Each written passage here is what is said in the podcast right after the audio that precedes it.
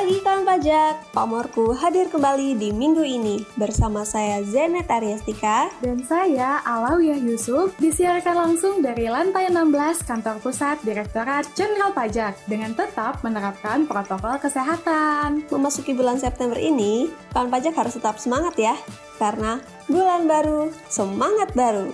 Wah, nggak kerasa udah mau bulan-bulan akhir aja nih di tahun 2021.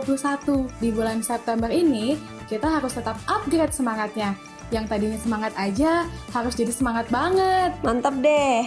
Oh iya, kita juga harus semangat dan nggak pernah bosan buat menerapkan 5M. Pertama, memakai masker. Kedua, mencuci tangan. Ketiga, menjaga jarak. Keempat, menghindari kerumunan. Dan kelima, mengurangi mobilitas dan interaksi. Pemerintah membatalkan pengenaan pajak pertambahan nilai atau PPN untuk bahan pokok atau sembako dalam skema PPN baru. Keputusan tersebut tertuang dalam Rancangan Undang-Undang tentang Perubahan Kelima atas Undang-Undang Nomor 6 Tahun 1983 tentang Ketentuan Umum dan Tata Cara Perpajakan atau sering kita sebut dengan RUU KUP. Mantap!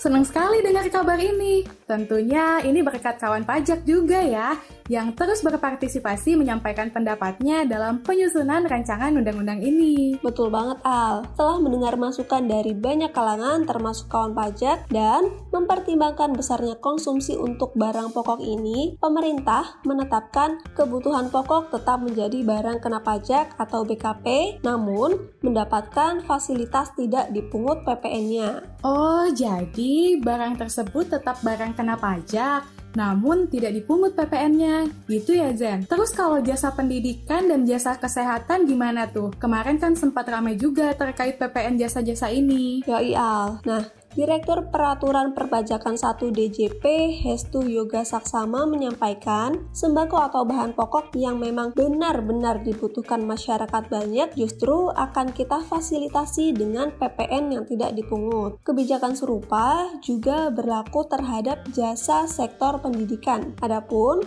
untuk jasa kesehatan, pungutan PPN hanya dikenakan terhadap fasilitas medis yang tidak ditanggung oleh Badan Penyelenggara Jaminan Sosial atau BPJS Kesehatan. Jadi, pendidikan yang sifatnya dasar, jasa, dan pangan dasar tidak dikenakan PPN ya. Ini baru sesuai dengan tujuan negara kita. Setuju nggak kawan pajak? Setuju banget dong. Oh iya, ngomong-ngomong soal PPN, pemerintah juga mengatur kembali subjek dan objek penerima fasilitas pembebasan PPN atau impor atau perolehan barang kena pajak tertentu yang bersifat strategis. Oh iya, aku sempat dengar nih.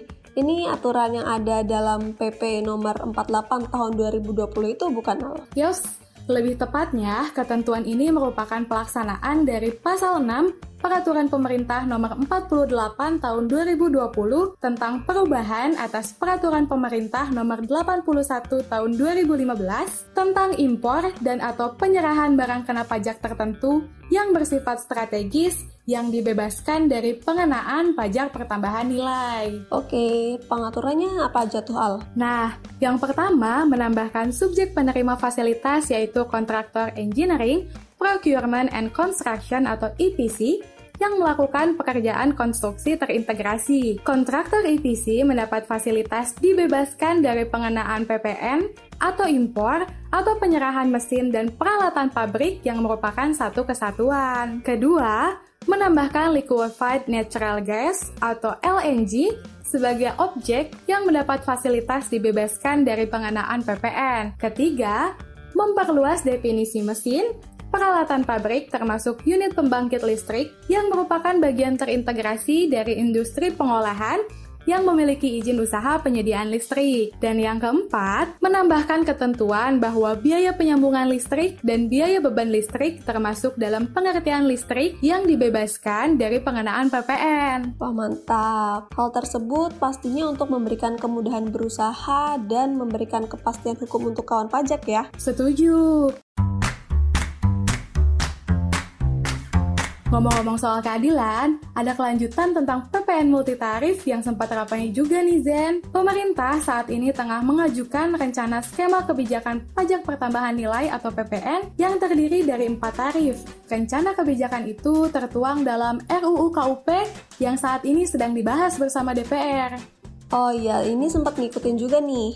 Direktur P2 Humas DJP uh, Nel Maldrinur mengatakan terkait dengan pengenaan multitarif PPN diharapkan dapat lebih mewujudkan rasa keadilan bagi seluruh lapisan masyarakat. Nah, rincian skemanya gimana tuh Al? Terkait skemanya, pertama ada general rate atau tarif yang berlaku secara umum sebesar 12%. Pemerintah menyebut adanya kenaikan sebesar 2% ini atas tarif PPN berlaku karena sebagai kompensasi pemerintah telah menurunkan tarif PPh badan. Yang kedua, lower rate PPN sebesar 5% sampai 7% atas barang dan jasa yang dikonsumsi masyarakat. Tarif 5% untuk barang kebutuhan pangan yang merupakan konsumsi masyarakat secara umum dan tarif 7% atas jasa tertentu untuk menjaga jasa terkait tetap berkualitas dan terjangkau, misalnya jasa pendidikan dan angkutan penumpang. Ketiga, ada higher rate sebesar 15% hingga 25% untuk barang yang tergolong mewah atau sangat mewah seperti rumah, dan apartemen mewah,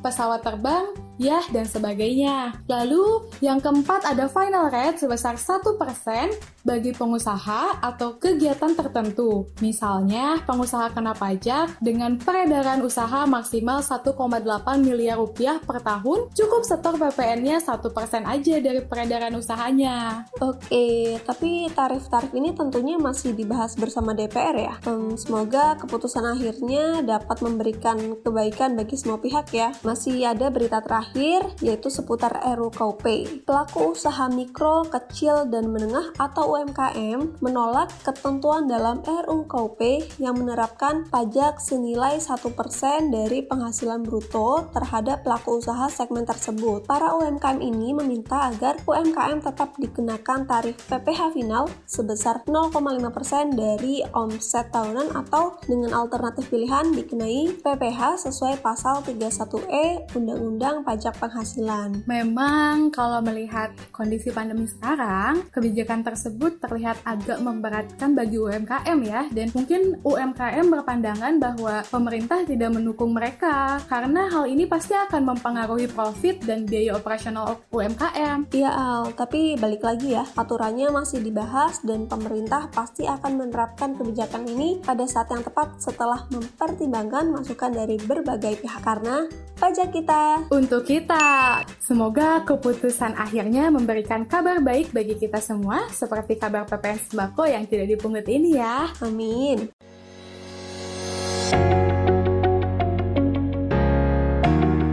Baikkan pajak, berita tersebut menjadi penutup Pamorku hari ini. Tenang aja, karena Pamorku akan hadir kembali di minggu depan dengan menyajikan berita teraktual seputar perpajakan. Yuhu!